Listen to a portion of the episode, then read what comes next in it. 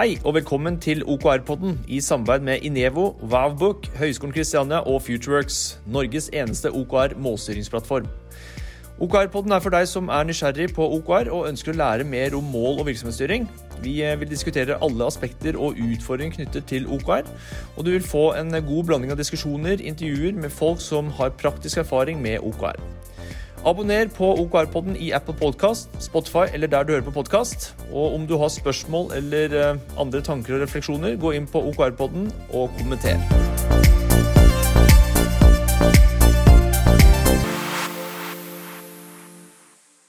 Ja, Velkommen til OKR-podden, podden for deg som er nysgjerrig på målstyring og OKR.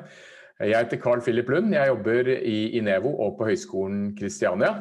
Og sammen med i studio har jeg som vanlig Kim Lennan, og jeg jobber som daglig leder og OKR og resultatcoach i FutureWorks. Og vi har også med Kenneth Dreyer, som driver eh, en internasjonal nettbutikk som heter eh, We Are Brands, som driver med masse nettbutikker, egentlig. Velkommen, Kenneth. Tusen takk. Ja. Og det er covid, og vi prøver jo å ha et positivt syn på tilværelsen. Men kan ikke du fortelle litt om eh, deg selv, Kenneth? Jo, uh, We Are Brands vi er jo da et selskap som, uh, som driver andre nettbutikker igjen. Det er We Are Brands i seg selv er vel ikke det kjente her, det er vel heller de forskjellige butikkene vi driver. Uh, vi er litt over 50 stykker. Vi har hovedkontoret vårt i Australia, og så har vi også et kontor i, i USA og Filippinene. Uh, før covid hadde vi fem fysiske butikker, nå er vi nede i to og en halv. um, og uh, ja, vi starta som et uh, remote-selskap og gikk over til å bli et litt mer fysisk selskap før, før covid. Mm. men rakk aldri helt å fullføre den jobben. Så, så når covid kom, så var vi fortsatt 100% digital. Og i dag ser vi ikke på oss som et remote-selskap, men vi kaller oss et polysentrisk selskap. Vi er veldig glad i buzzord. Og uh, polysentrisk er at vi har et, en, et, selskap med flere senter. Så det er det, det, vi ser på som i dag, da. Mm. Så det er på en måte noder? At man har liksom noen noder som er hoved... Eller flere sentre, hva mener du med det? Ja, eh, vi, vi, tenker jo at eh, det, det tillater oss å, å, å flytte skuttet og, ha, og, ha, flere kulturer som eh, eksisterer samtidig. At, eh, at, I Australia, i Melbourne, hvor hovedkontoret vårt ligger, så har de ett fokus. Men skulle si, når en, en, kultur er jo ofte litt sånn uh, treg å endre på og dra med seg. Um, de spesialiserer seg på noen ting, mens uh, et annet kontor vi har, uh, spesialiserer seg på andre ting. Og noen jobber mer digitalt enn andre, og noen fokuserer mer på den fysiske verden. Um, men det å være polysentrisk betyr jo egentlig bare ja, som du sier, at det er litt noder her og der. og hva et, et, et, eh, senter fokuserer på, kan eh, endre seg underveis. Og viktigheten av dem og størrelsen på dem kan hele tiden vokse og ekspandere og, og minimalisere seg igjen over tid. Vi er rett og slett et veldig dynamisk selskap, da, er vel det jeg prøver å, å komme frem til. Hvordan klarer dere liksom, det er, jo, det er, jo, mange eksempler på bedrifter som ekspanderer, og så sliter de med å, å, beholde, eller i hvert fall kulturen. At det blir liksom Det er lett hvis man åpner et nytt kontor et sted, så blir det jo det å overføre eller det å sikre at kulturen ikke nødvendigvis er konstant, men å ha felles kultur når man jobber på tvers av geografier. Hvordan er det dere Eller er det samme kultur? Eller hva er likhetstrekkene mellom de ulike kulturene? Jeg vil jo, ja, jeg vil jo si at uh, hvert senter, hvert kontor om du vil, hver, uh, hvert område kan ha sin egen kultur, kultur, sin egen kultur, som gjerne bygges oppå en uh, jeg vil si Den globale felleskulturen vår den er kanskje internettbasert. Den er digital first. Alle verktøyene og kommunikasjon går over internett. Um, og vi jobber mot de samme felles målene, og vi har visse ting. Uh, vi, vi, heier mye på hverandre. Vi, um, vi, vi, prøver å ta godt vare på de ansatte. Vi mye hva skal jeg si, internettfeiring av bursdager og alt mulig sånt. Uh, men samtidig som hvert kontor har sine egne uh, små nuanser som gjør at de har sin egen kultur. Så, så det er en god blanding hvor uh, ja. alt er digital first, og så, så, er det kanskje litt annerledes i den virkelige verden på de forskjellige stedene. Hva, hva vil du si er liksom spesielt med måten dere styrer og utvikler selskapet? Hva er, liksom, er noe Hva er unikt med dere? Jeg vil si at det, den polysentriske tilnærmingen vår er jo ganske uvanlig. Som ofte så er det jo at man har et uh, fysisk location, og stort sett alt uh, kommer ut fra det. Et uh, hybridselskap som kanskje er remote, 100% remote, de har jo sine fordeler og ulemper med det. at de ikke har et fysisk sted, og alt er digitalt. Men um, og, og mens de som har et fysisk location, de er gjerne Man er gjerne enten-eller, da. Mm. Men jeg føler at vi har fått til å ikke ha den fysiske locationen som for oss hadde vært Melbourne. Det er der vi har halvparten av de ansatte. Mm. Uh, og, men det er ikke dermed sagt at alle avgjørelser tas derfra og sendes ut til uh, alle de andre lokalisjonene vi har. Uh, jeg sitter jo her i Norge og er eier av halvparten av selskapet, så veldig mye fra meg kommer jo fra deres, de alle andre sitt perspektiv gjennom internett. Gjennom e-poster, gjennom de forskjellige verktøyene vi bruker til å styre og kommunisere med. Um, og det betyr at kulturen i Australia ikke blir dominerende for alle andre. Man blir hele tiden tvungen til å se ting fra, uh, fra perspektivet til resten av selskapet som ikke er på den fysiske location. Det har ført til at vi blir polysentriske. Og uh, verken er en remote-bedrift eller en uh, hva enn det motsatte er, en fysisk bedrift. Fysisk, ja. Det er, jo, det er jo utfordrende å bygge kulturer på tvers av uh, geografier. Men, men hva, dere kjører jo OKR. Uh, mm. hvordan, det, hvordan, fikk du høre om første gang, ditt første minne om begrepet målstyring og OKR? Når er det det skjedde? Jeg husker ikke helt konkret, men jeg leser jo veldig mye bøker og har, bruker relativt mye tid på å studere andre som har uh, gått de veiene jeg har lyst til å gå og gjort det bra der. Og OKR, jeg husker jo at det var noe som kom opp ganske ofte. Det, det var en gjentagende ting, og det er jo ikke rart. altså Google bruker det jo, og det er jo uh, en, en, favoritt for mange av Silicon Valley-selskapene. Um, så, så det mangla ikke på referanser. Og så kjøpte jeg den boken uh, 'Measure What Matters', som jeg føler har blitt litt uh, boken om OKR. Um, leste det, og så var det vel for en to års tid siden uh, at vi, vi, prøvde oss på å implementere det. Mm. Ja. Og hva, hvordan, hvis du skal Oi, sorry. Nei, hvordan, hvordan har det gått? Det første året vil jeg jo si var et uh, stort, langt eksperiment. Um, det, du trenger et år på å få det til å sitte. Og jeg tenker sånn Tipset jeg gir til veldig mange, da, er gi det et år. Minimum et år. Og ikke forvent at du skal følge boka 100 Alle selskaper er annerledes og har små nyanser. Så start gjerne med å følge boka, og så, og så må du bare akseptere at underveis så blir det små endringer. Um, vi jeg, jeg, vil jo definitivt si vi fortsatt følger OKR-metodologien, men langt ifra slik boka beskriver den. Og um, det første året var vel da vi lærte veldig mye. Primært fordi det er veldig mange i selskapet som plutselig må lære seg uh, å, å, sette mål, og at de skal bli målt på målene på en helt annen måte. Um, og at det er synlig for hele selskapet. I tillegg så, så, så blir det en omstilling for uh, ledelsen, fordi shit in, shit out. Uh, hvis vi uh, i ledelsen setter dårlige mål og kommuniserer det til resten av selskapet, så vil jo hele selskapet begynne å optimalisere seg mot retningen av de dårlige, mål, dårlige målene våre. Så, så første året var det veldig mye læringer, og jeg vil si i stor grad så å få folk til å tenke målretta var eh, en, en lang oppoverbakke.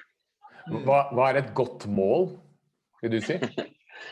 Eller hva er et dårlig mål? Det er jo to Ja, altså Jeg har ikke noen definisjon her, men hvis, hvis, altså, hvis du kjenner til uh, hele den tankesettet rundt å være i flow Jeg mm. tror hvis du setter deg et mål som dytter deg i retningen av det langsiktige med selskapet. Jeg føler at altfor få selskaper har gode, langsiktige planer. Jeg ser på det som en av de eh, fundamentale superpowerne et uh, selskap eller en leder kan ha. Det er å kunne tenke både kortsiktig og langsiktig på en gang. Altfor få tenker eh, langsiktig. Så hvis du har et mål som bygger deg i retningen av det langsiktige, samtidig som det klarer å svare på det kortsiktige, men det er også satt på en måte som gjør at den ansatte har mulighet til å komme inn i flow. Og flow er jo, eh, jeg husker ikke nøyaktig definisjonen, men eh, jeg bruker å beskrive det som at flow det er, når du, det er når du glemmer tiden. Når du mm. er inne i en arbeidsoppgave hvor du er litt foran det du er vant til å jobbe med. Du må utfordre deg selv, men det er likevel ikke for komplisert. Når du jobber med de type oppgaver hvor du, hvor, du, hvor, hvor du, er interessert i det du jobber med og du bare har lyst til å jobbe altså Alle, alle har jobba med noe hvor de bare har glemt tiden helt. Og så har de glemt å spise og gå på do og alle de tingene der. Glemmer tid og rom. Yes. Jo mer du er i en flow state når du jobber, um, jo bedre mål har du satt deg, tenker jeg. Ikke sant? Og Det er jo det, det, det, du sa om remote work, det tror jeg også har bidratt i hvert fall, Jeg, jeg jobbet jo hjemme i ti år. Og, og, det som var fordelen med å gjøre det, er at uh, man har kontroll på når man blir avbrutt. Uh, man kan slå av ting. Når man sitter på et kontor, så blir man forstyrret uh, kontinuerlig hvis man ikke har en kultur for at man skal sende en melding før man forstyrrer. Og så skal man få lov å velge når man blir forstyrret. Og det merker jeg er eh, utrolig mye forskjell på det med remote. At det, jeg var mer i flow før enn det jeg er nå. Mm. Fordi da kunne jeg sette av liksom ble, Jeg glemte tiden, og så ble det til at jeg bare gjorde en ting og hadde fokus. Og det, det tror jeg mange har merket nå i covid. Kanskje at eh, det å ha hjemmekontor, det er på mange måter ikke bare negativt. Det er mange fordeler med å og jobbe uavbrutt. Jeg støtter den, uh, Philip. Men uh, jeg støtter også det du sier. Kent, det å ha liksom, En av superpowerne er jo på en måte det å tenke langsiktig samt kortsiktig. Og jeg tenker jo Det er jo hele nøkkelen til å sette gode mål, er gode OKR-er. er å Se det langsiktige bildet og på en måte bryte det ned til en kortsiktig ramme. Uh, og min erfaring, Jeg støtter 100% min erfaring er at jeg ser at i implementeringer av OKR-er så ser jeg helt klart forskjellen i forhold til kvaliteten av OKR-er, altså mål som blir skapt. Om et selskap har tenkt de lange linjene, eh, kontra selskaper som ikke har tenkt de lange linjene. De har, sånn, de har ikke gjort det grunnleggende arbeidet og jobbet med det forankrede i organisasjon, ut i organisasjon. Folk er tydelige på hva som er visjon, misjon og strategi. Ja, folk har kaller det sånn cheesy og de tingene, men jeg tenker at det er en essensiell bit å få på plass for å se meningen og hensikten i forhold til hvor selskapet skal det, hva vi skal få til, få med på en måte organisasjonen på hele den, den rytmen eller den, den, veien her. Da. Da opplever jeg at de OKR-ene som blir satt da, blir veldig spesifikke og veldig godt tatt imot, og det blir betydningsfullt Det gir mening, da. Det er vel det mm. som da, da tror jeg at når ting også gir mening, så jeg støtter jeg det med at du kommer også fort i flyt. da, Flow. Når du mm. gjør eh, eh, hensiktsfulle ting for deg. for, for deg, ja. Mm. da er det lettere å komme i den flyten. Mm. Så ja, er interessant. Kenneth, du skriver jo også på en nettside som heter marketing.no. Eh, der har du skrevet en ganske omfattende artikkel om deres erfaringer med OKR. Og, og der skriver du eh, i lærdom nummer to da, at eh, vi er alle elendige til å styre egne mål. Hva legger du egentlig i det? Ja, eh, Vi overestimerer hva vi kan få til innenfor et kvartal, og vi underestimerer hva vi kan få til i løpet av et helt år. Det er vel eh, nesten litt eh, en, en, fin å bygge videre på det vi nettopp snakket om. Jeg, jeg var veldig overraska over både meg selv og veldig mange i selskapet. Det var absolutt ingen av oss som var i nær Første kvartalet vi hadde med OKR i det første året. Det var ingen som var i nærheten med å nå eh, alle målene de hadde satt seg. Vi overestimerte så ekstremt hva vi kunne få til. Um, og det, jeg vil si at det kanskje er den, eh, den største tingen med det første året. Vi, vi, det var ingen som var i nærheten av å nå målene sine. Vi var skikkelig dårlige til å nå målene sine. Man tror man kan få til så ufattelig mye på de tre månedene. Vi, våre sprints gikk i tre måneder um, av gangen. Og det, det, det, det, var kanskje, ja, som du sa, lærdom nummer to. Vi er dårlige til å sette og styre våre egne mål. Um, og det, det, har vi jo snudd til vår fordel. For det første har folk blitt mye flinkere til å ikke ta på seg like mye. Vi som selskap har måttet lært oss å eliminere ganske mye av uh, ideene våre. Um, og, og, andre ting. Vi har jobba med å forbedre kommunikasjon, vi har jobba med å være mer spesifikke. Og vi har uh, tatt i bruk forskjellige verktøy for å kunne rett og slett kutte ut en del ting før så tror jeg når vi kanskje Før OKR så hadde vi ikke noe eh, som, som er, skulle se, OKR erstatta ingenting. Det var på en måte en ny implementasjon i selskapet. Og listene over ting vi skulle gjøre var jo uendelig lange. Fortsatt så er de lange, eh, to år senere. Men eh, OKR gjorde det veldig tydelig at vi hadde altfor store ambisjoner på over hva vi skulle få til på, på kort sikt. Um, og når vi har fått oss den, eh, den, egenskapen at vi klarer å eliminere en del ting, så har vi også blitt flinkere til å stake ut den uh, langsiktige kursen. Så broen mellom kortsiktige og langsiktige planer er nå mer tydelig og, og har mindre si, støy på den veien. Mm. Interessant. Det er jo Eh, hvordan, hvordan, balanserer dere liksom det med å sette høye mål med det å sette realistiske mål? Eh, hvor viktig er det å Du tenker jo den på lang sikt og på kort sikt. Hvor, hvordan, eh, ja, hvordan, balanserer dere det? Um, så en ting vi har fokusert veldig mye på, er jo det vi kaller de tidløse og fundamentale prinsippene i mange av tingene vi gjør. Um, i, vi prøver å forstå markedsføring et, og resonnere fra veldig mange av tingene vi gjør, ut fra et mer tidløst perspektiv. Og forstå de tingene som Altså et, et travelt selskap er de som hele tiden uh, jakter på a shiny new ting. De som kaster seg over på den nye markedskanalen, de som hele tiden skal prøve nye ting. Um, som, de som heller fokusere på de mer langsiktige tingene. Altså Ta f.eks. Uh, markedsføring, som er høyst aktuelt for oss. Vi er definitivt en uh, markedsfører, både jeg og han som driver det, er markedsførere av bakgrunn, så vi uh, har mye fokus på det i alt vi gjør. Um, hvis selskapet ditt lever av, og, av betalte annonser, så er det jo bare å skru det av, og så er det ikke noe selskap der etter noen dager. For da kommer det ikke noe ny trafikk inn. Mens den langsiktige tingen å gjøre er jo å bygge opp en organisk eh, trafikkbase som, som kommer inn. Og bygge et ordentlig community, og, og bygge en fortjent attention fra publikummet ditt. Ikke en som bare er kjøpt, lurt og betalt, og hvor du prøver å utnytte algoritmene. fra algoritmene det er et moving target. Det kommer alltid til å være i bevegelse. Så for å gå tilbake til spørsmålet, vi, vi, har som selskap prøvd å fokusere veldig mye på de tidløse og fundamentale prinsippene. Tingene som alltid har vært sant i markedsføring.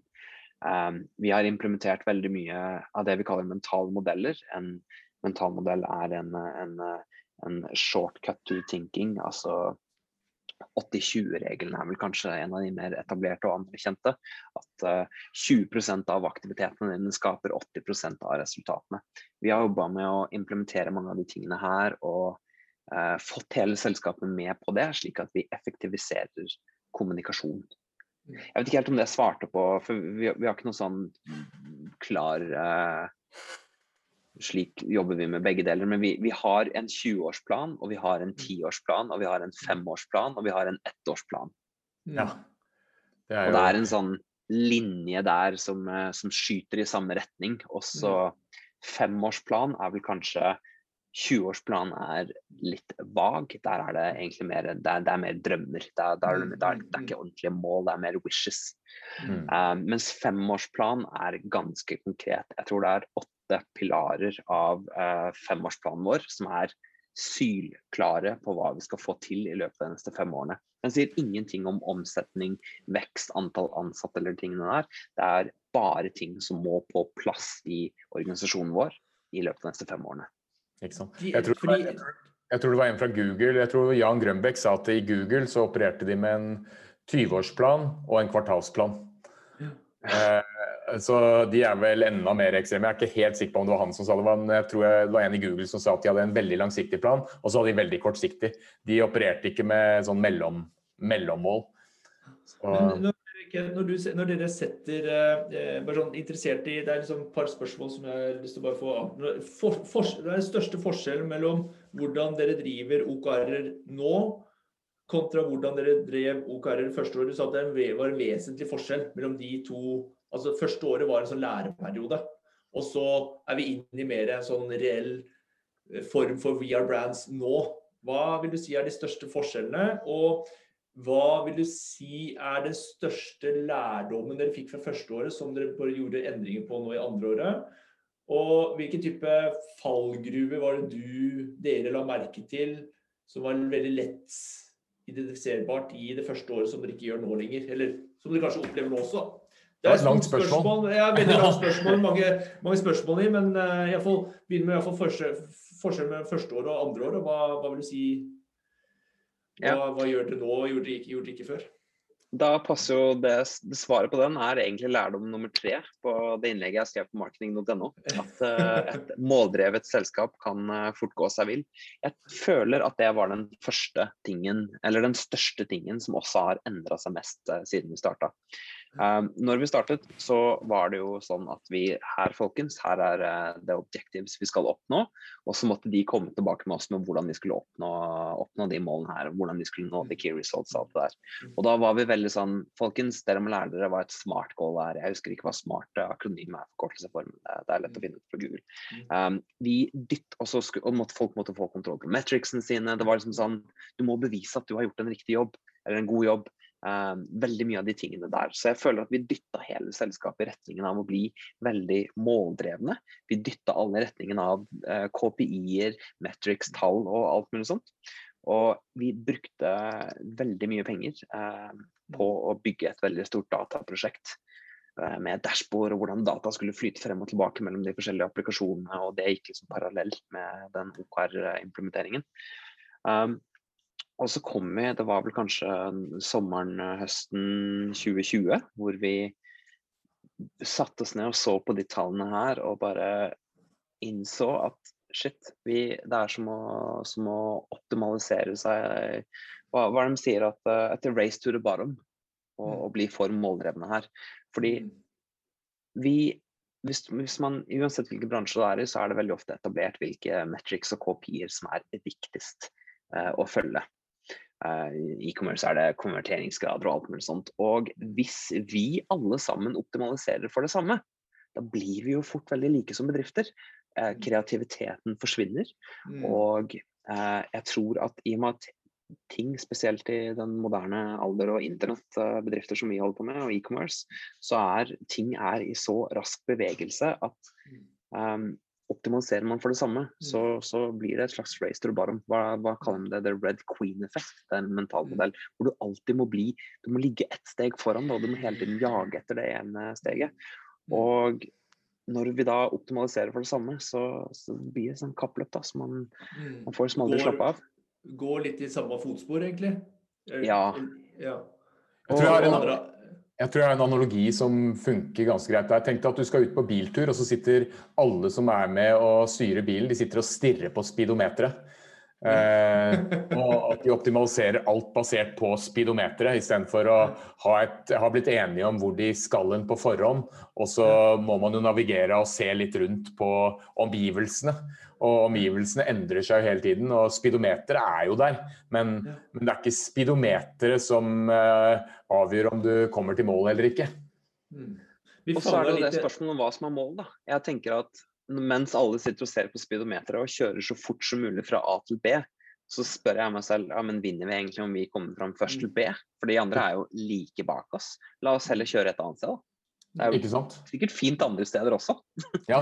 Mm, mm, mm. Jeg tror at det er, det er farlig å bli eh, det, eller, det å på en måte miste fokus på de omgivelsene, som du sa så fint nå, Philip, er jo det, å bli, bli fanga i den boksen og ikke, og ikke, se at det er, noe, det er, noe, utenfor den boksen. Å miste den kreativiteten og det er liksom den mulighet til å bevege seg fritt for å snu seg effektivt og fort og ta ja, se på ikke B, men det er kanskje C, D, F, G osv. i forhold til områder og fokusere på å ta områder, markedsandeler eller ta, skape resultater på. Det tror jeg er en viktig del av OKR. Eh, en viktig del av OKR-prosessen. Ellers så blir det for, eh, for, eh, for smalt. Ja, og, også, også for er det begrensende. Og så er det jo noe med at Eksempel med bil. da, Det som er fordelen når du sitter i en bil og noen sitter på. så Menneskene har egentlig ikke så mye å si når du sitter i en bil, fordi de, har, de, kan, de kan, hoppe av bilen. da, Men i en bedrift så er det, det er jo menneskene som skaper kompleksiteten. Og, og, det at sjåføren sier at vi skal dit i en bedrift, det betyr ikke at man nødvendigvis får med seg alle menneskene automatisk. Mm. Uh, og Det er det jeg syns er interessant med OKR, at det er en måte å sørge for at alle vet hvor man skal.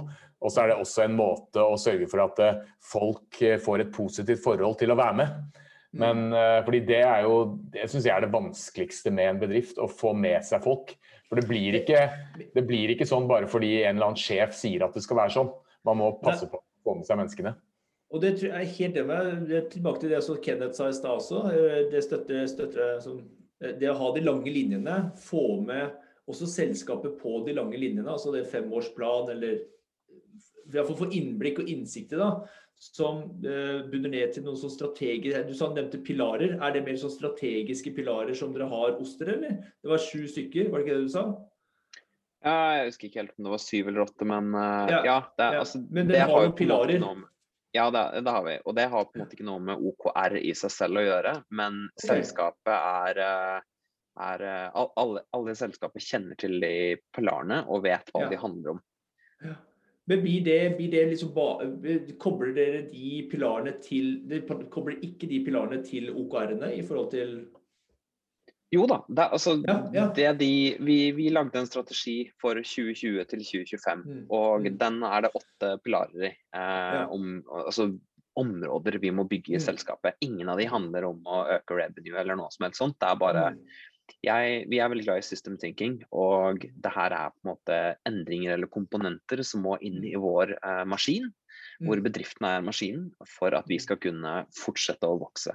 Det er budsjetter for hvor mye vi vil vokse, og det er bonuskomponenter til alle i selskapet hvis vi mm. eh, oppnår forskjellige nivåer på de målene. Men det er fryktelig vanskelig å si at vi skal gå fra 100 millioner til 250 millioner på, på mm. det, det, det er ikke noen god måte å planlegge det på. så Derfor har vi heller identifisert uh, noen hovedområder som vi, vi, ser vi må bli bedre på. Og så har vi prøvd å lage en sånn liten røff tidslinje på um, rekkefølgen. Det er kanskje ikke en tidslinje, vi kaller det uh, roadmaps over som heller ta den tiden vi trenger på å få det her på plass, og så mm. går vi videre til neste. Mm. Um, så klarer vi to av de her uh, hvert år, så er vi mer enn nok i rute til å mm. lykkes. Du, du, nevnte at dere la en strategi for 2020 eh, og, 20, og en femårsplan. Kan ikke du lede oss igjennom hvordan dere jobber uh, sånn helt ned i detaljene? Hvordan Jeg antar at det er noen møter og at det er noen dokumenter og at det er noen spørsmål, og så må man involvere noen. Hvordan er det dere liksom tar det Eh, fra å legge liksom ned i detaljene, nitty-gritty details, på hvordan er det dere kommer opp med en strategi, og hvordan jobber dere med å få den ut i organisasjonen? Ja, så, så Vi starta med å spørre oss hvor vil vi være om fem år. Sånn størrelse på selskapet. Eh, og sånn cirka hva vi trenger i omsetning, hvor mange mennesker vi må være osv. osv. Og da ser jo vi at vi, vi skal være en betydelig større organisasjon. Um, og da har vi jo gått litt rundt og, eller gått noen runder med oss selv og spurt hva slags større endringer må på plass for at vi skal kunne bli en sånn her type organisasjon. Og så har vi også sett på og det, det satte jo visse føringer for omsetning og hvor stor vi skal være. Men så har vi også sett på hva, er, hva driver vi med. Vi driver med e-commerce og vi har fysiske butikker. Vi tror ikke på det å bare være en ren nettbutikk. Vi skal fortsatt være til stede i den virkelige verden, fordi den virkelige verden er veldig morsom. Uh, og mennesker er morsomt å jobbe med, så vi har, vi har fortsatt lyst til å være eksistere, ikke bare på internett.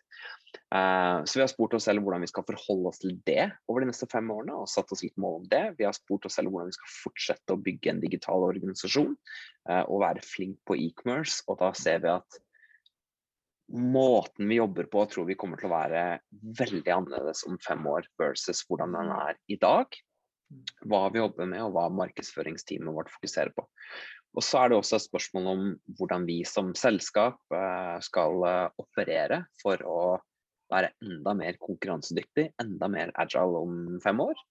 Um, og så, så, er det også bare det med å være mer sikker da, som selskap, som plattform. Og da vil vi ha flere brands vi jobber med, flere forretningsområder, flere inntektskilder som er uavhengige av hverandre. Um, så tok vi summen av mange av de tingene her, vi så litt på trendrapporter, og så lagde vi de åtte strategipilarene, som vi kalte det. Um, mm. Og Skal jeg lese opp hva de er, eller bare sånn Ja, det er gøy. Det er gøy. Ja. Vi tror, vi tror uh, Første kaller vi bare new brand. Altså Vi skal ha en total rebrand av uh, nettbutikkene våre og måten markedsføring fungerer på. Det er den vi driver med akkurat nå. Og så er det en, uh, en, stor investering i teamet vårt. vi har oppgradert kontor, vi skal gjøre en del kulturprosjekter. Vi skal utvide litt på f.eks. vi skal ansette en fulltid på HR, litt sånne ting. Uh, og vi, skal, vi jobber med det vi kaller learning paths, og vi kaller det en internal MBA. Mm. Um, der uh, små ting som uh, Science of Happiness var et kurs vi satte alle i selskapet gjennom. vi skal sponse meditasjonskurs og coaching for folk. Uh, vi jobber nå med et prosjekt som heter How to Produce Remarkable Outcomes, som snakker mye om flow, som snakker mye om hvordan du trigger kreativitet og henter gode ideer. Så det er liksom sånn investere i teamet vårt. Og så er det å tenke nytt angående kontor. Det er tilbake til den polysentriske greia jeg snakka om. Uh, så det er nummer tre, hvordan vi organiserer oss. Uh, hubs er det vi kaller fremtidens butikker. Det er egentlig bare at uh, ja, Jeg skal ikke gå så detalj hva det er, men det er et internord vi har for hva vi mener at butikkene skal være i fremtiden. Mm. Den hele omnichannel-greia. Nye territorier. Vi kommer nok til å gå etter et nytt territorium. Uh, jeg ser for meg Asia eller Europa. At vi kommer til å prøve å satse litt ekstra på de. Det er jo bare, bare det å få flere ben å stå på og være uh, splitta over flere kulturer osv. Uh, vi skal etablere det vi kaller et product development flywheel, som også er et internord. Men det handler om å, å, å produsere raskere nye produkter og etablere sterkere feedbacks loops fra kundene våre. Lager vi et bedre produkt, så blir all markedsføring og det å drive bedriften blir jo mye lettere. Så det er nummer seks. Mm. Mm. Mens nummer syv er at vi skal bygge opp noen nye merkevarer. Om vi kjøper opp eller starter opp selv eller venture med den andre, det vet vi ikke ennå. Og nummer åtte er også en litt sånn uh, intern en. Uh, the Company Operating System. Og da har vi definert noen rammer som vi skal starte med å utforske. Uh, vi skal bygge det vi kaller en data engine. Vi skal, OKR står der. Vi skal, OKR 2.0 har vi kalt den her. EOS e er et system vi ser på som også er veldig kjent i OKR-miljøet. Uh, vi kommer til å få på plass hele C-suiten. Uh, en COO, uh, eh, vi har en CFO, en, noen for HR. Ja. Det, det, er en del rammeverk. Du kan tenke at vi tar OKR og en drøss andre lignende metodologier, og så skal vi mashe alle de sammen. og gjøre små justeringer, få de til å integreres med hverandre. Og totalsummen av det kaller vi bare operativsystemet for selskapet vårt. Du nevnte EOS, hva var det for noe? Entrepreneurial Operating System kalles det. Så det er okay. egentlig bare en, eh, en eh, metodologi eh, for hvordan man skal bygge selskapet sitt. Hvordan du skal få okay. det til å gå fremover og være autonomt og, og mye sånt. Ok, så nå, nå, har dere lagt opp en liksom, ettårsplan, femårsplan. Dere har gått gjennom de syv-åtte pilarene. Eh, hvordan kommuniserer, Og så har dere masse programmer internt, men hvordan kommuniseres dette her? Har dere et allmøte, eller er det det er ikke så mange weekendsamlinger eller eh, utflukter, bedriftsutflukter nå, men hvordan er det det kommuniseres og forankres ut i organisasjonen? Så vi har, eh, vi har en årlig retreat hvor vi flyr inn folk. I år fløy vi ikke inn folk, men mesteparten av selskapet er jo basert i Australia. Uh, så to tredjedeler av folkene våre fikk jo allikevel mulighet til å delta på det. Uh, de, er, de, er, jo en øy, så de har uh, nesten ingen covid-saker fra dag til dag. eller cases. Så, der var det lov å, å, gjøre sånne ting, så da leide vi en kokk. Og det er liksom da vi får teamet samla. De er én uke på ett sted. Um, sånn hyggelig sted med basseng og alt mulig rart. Og så har vi masse workshops. og Det er da liksom sånn vi i ledelsen lufter alle de gode og dårlige ideene våre. Gjennom resten av året så, så Vi bruker jo Notion som eh, system for å holde oversikt over alt. Um, så hvem som helst kan gå inn og se detaljene av det her. Hvem som helst har mulighet til å gi feedback. Vi har et internt nyhetsbrev som vi kommuniserer ut en del. Um, veldig mange av møtene våre filmer vi også. Uh, hvor vi i ledelsen sitter og snakker om de tingene her, så andre har mulighet til å se på det her. Um, og vi kommuniserer alt ut. Vi har også det vi kaller uh, the marketing jam, er det vi kaller det. Men det, den brukes litt som et sånn uh, fremtidig fluffy internmøte nå. Vi har den uh, ca. to ganger i måneden, og det er da vi det er jeg som styrer de møtene. Og jeg prøver hele tiden å komme med litt sånn utfordre tankesettet til folk, nye ideene. Og da har jeg en, en vane hvor jeg hele tiden liksom snakker primært om hva vi skal gjøre det neste året, er vanligvis fokuset i det møtet der. Jeg utfordrer ideen og tankesettet til folk innenfor det inneværende året. Men jeg prøver å hele tiden minne folk på hva de langsiktige planene er. Så det er egentlig det vi gjør i ledelsen. Um, det foregår jo veldig mye. Uh, vi jobber med mentale modeller, og vi har vel en 40-50 vi har uh, etablert for selskapet vårt. Og det er umulig for et enkeltindivid å huske det alle sammen. Jeg gjør det ikke selv til enhver tid. Uh, så vi har vår egen sånn Chrome extension hvor hver dag kommer det en ny Det går ut en sånne nyhetsbrev som vi bare sirkulerer mye content på. vi kjører litt sånne små quizer, tenk sånn pub-quizer på mange av de tingene her. Så, så vi, vi, prøver hele tiden å bare sånn Jeg vet at det her ikke er front-end center for det du holder på med akkurat nå, men uh, husker du en av de viktigste prinsippene for markedsføring? Uh, husker du hva de tre som handler om influens var? Altså, og her er dem, forresten. Eh, så, så, vi tenker jeg, jeg, brukte ikke så mye av det her selv når jeg studerte, men man har jo sånne flashcards eller noe kalles for noe, når man studerer ofte hvor eh, man har, tar små ideer og konsepter og kan bare gå fort gjennom de og, og mm. komprimerer det ned til små ideer. Vi har noe lignende det, som vi prøver å sirkulere i veldig mange forskjellige anledninger til teamet. Som enten er et spørsmål som minner dem på ideen, får de til å tenke litt rundt det, eller at vi bare sier 'her er ideen'. Um, og så har vi hengt opp verdiene våre på veggen. Vi har fått en illustratør til å tegne opp uh, en del ting. Uh, ja. så, så, det er mye sånne ting, da. Tenk, tenk flashcards som vi bare har uh, satt i system. Så la meg prøve å oppsummere, for da, da har du liksom den kortsiktige og langsiktige planen. Dere har de syv-åtte pilarene. Dere har en ukes samling hvor dere går gjennom og lufter en del ideer med folka. og så kjører dere små øvelser underveis. Og så har dere en sånn marketing jam to ganger i måneden hvor, hvor du prøver å pushe folk litt lenger. Eh, og til å stille litt spørsmål rundt strategien. Og så kjører du disse flashcardene som ja. Eh, for å få kontinuerlig påminning. Men hvordan, hvordan, er det OKR kommer inn i dette? Hvordan eh, er det en ukentlig greie? Dere kjører kvartalsvis. Hvordan er det hvis du skal dra den uh, historien videre, da, hvor, mm. når er det OKR kommer inn i bildet?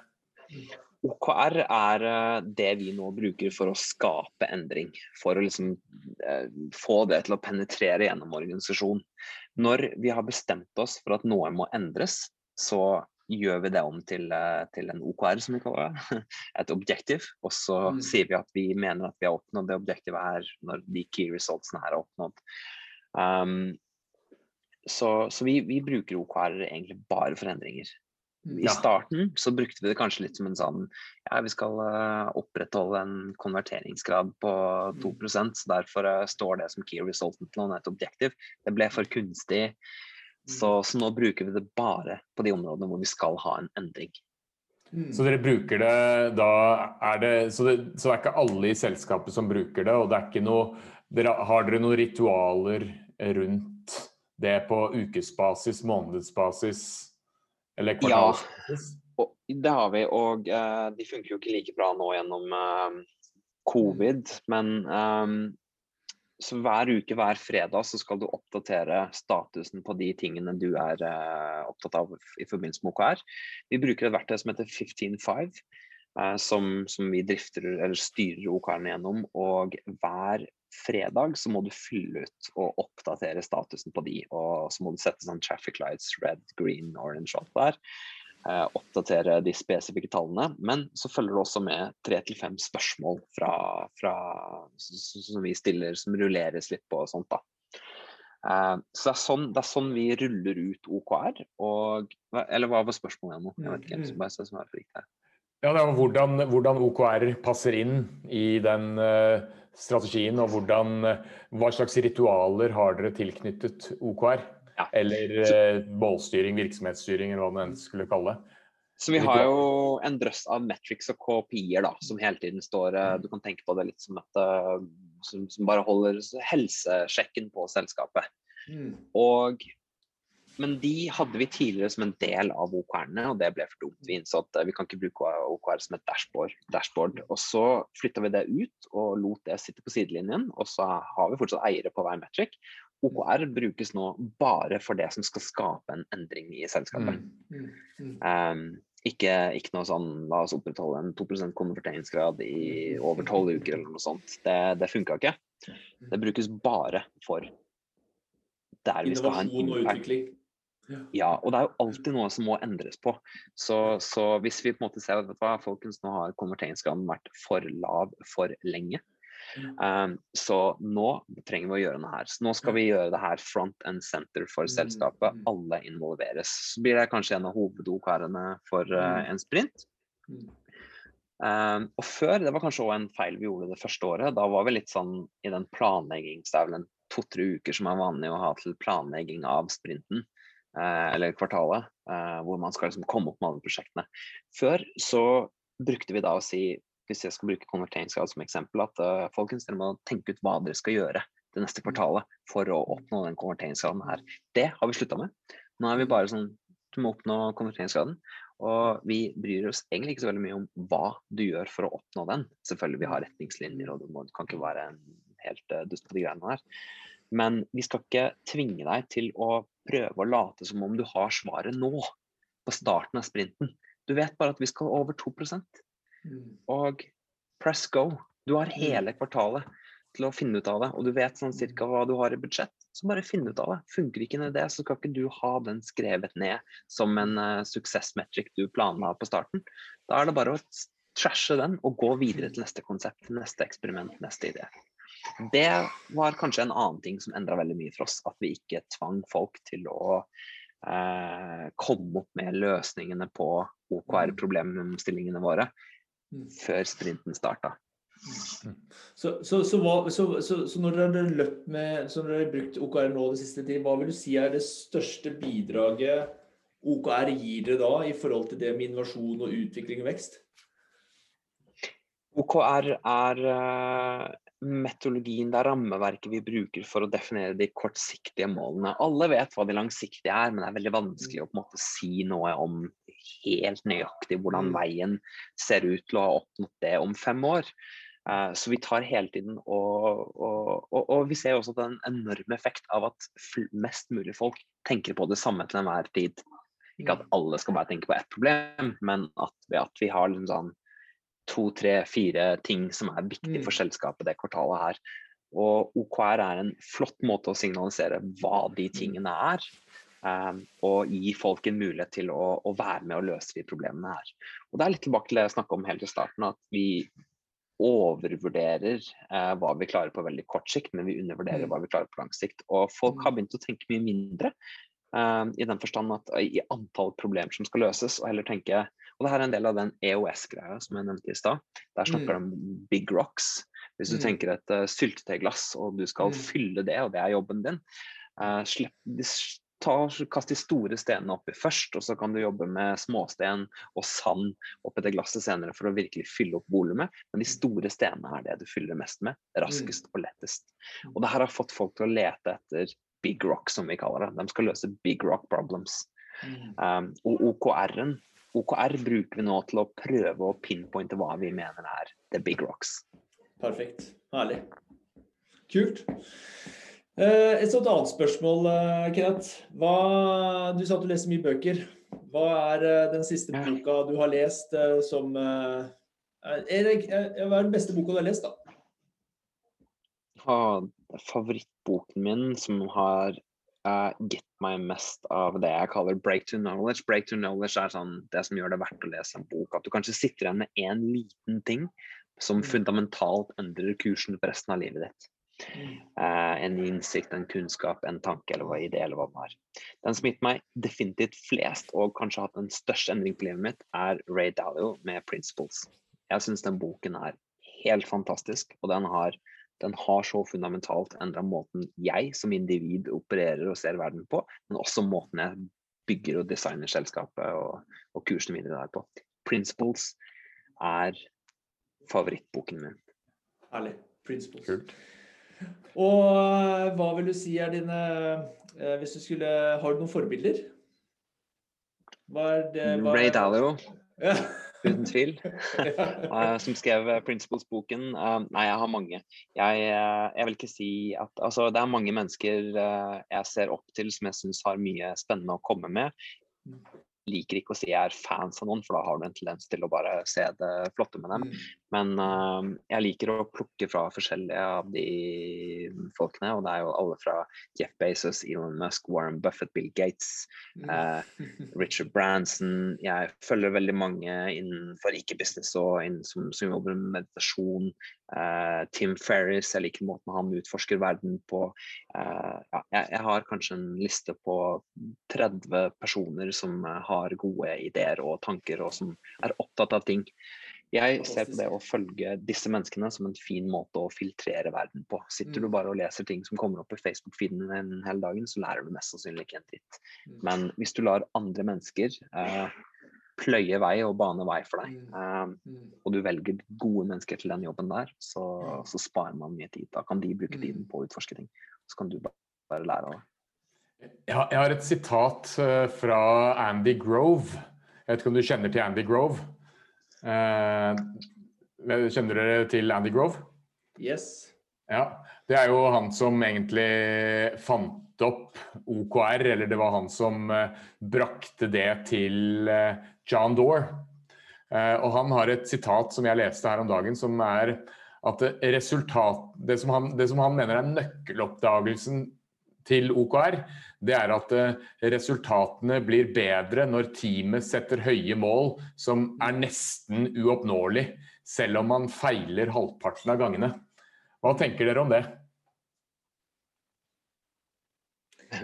Jo, altså ja.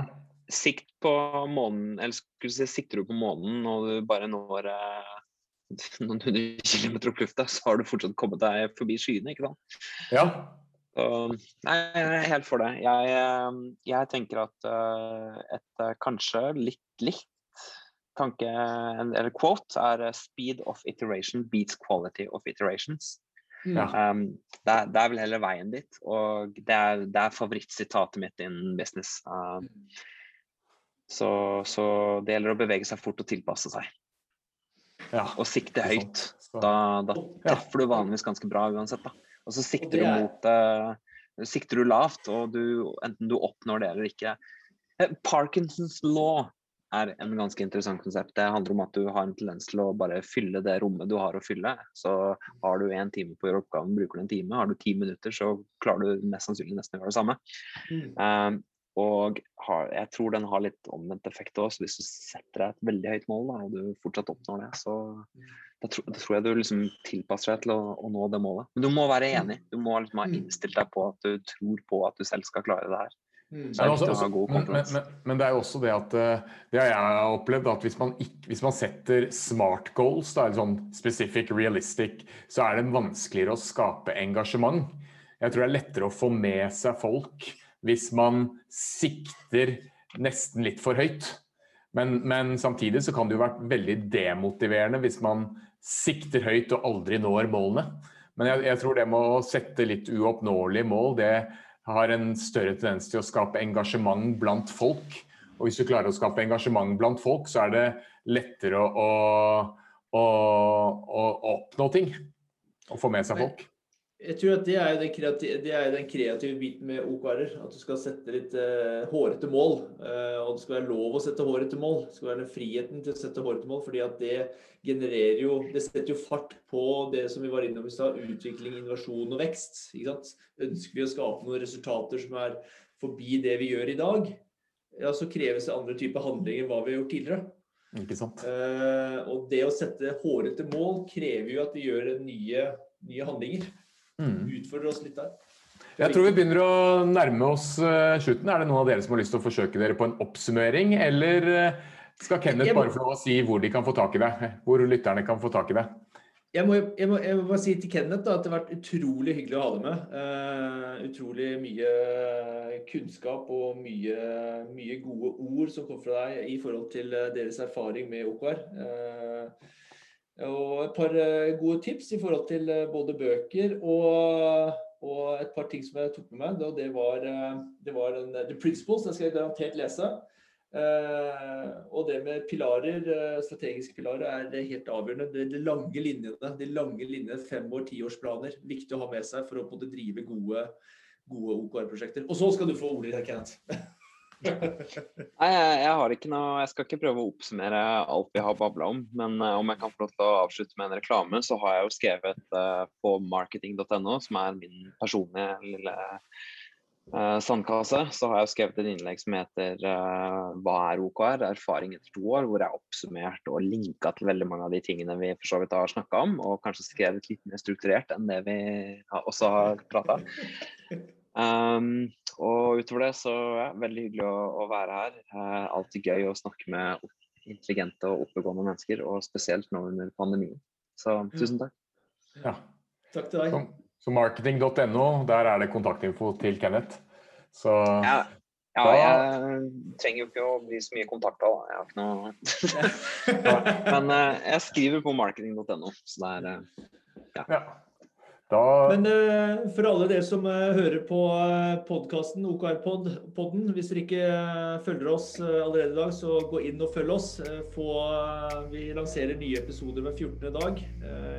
og Kenneth er en som dere har akkurat hørt på, så vil det komme en ny en om 14 dager igjen. Så gå inn og følg OKR-podden. Ha en god dag. OKR-podden er gjort mulig av Inevo, Wavbook og Futureworks, Norges eneste OKR-plattform som hjelper deg med å sette fart på innovasjon, utvikling og vekst.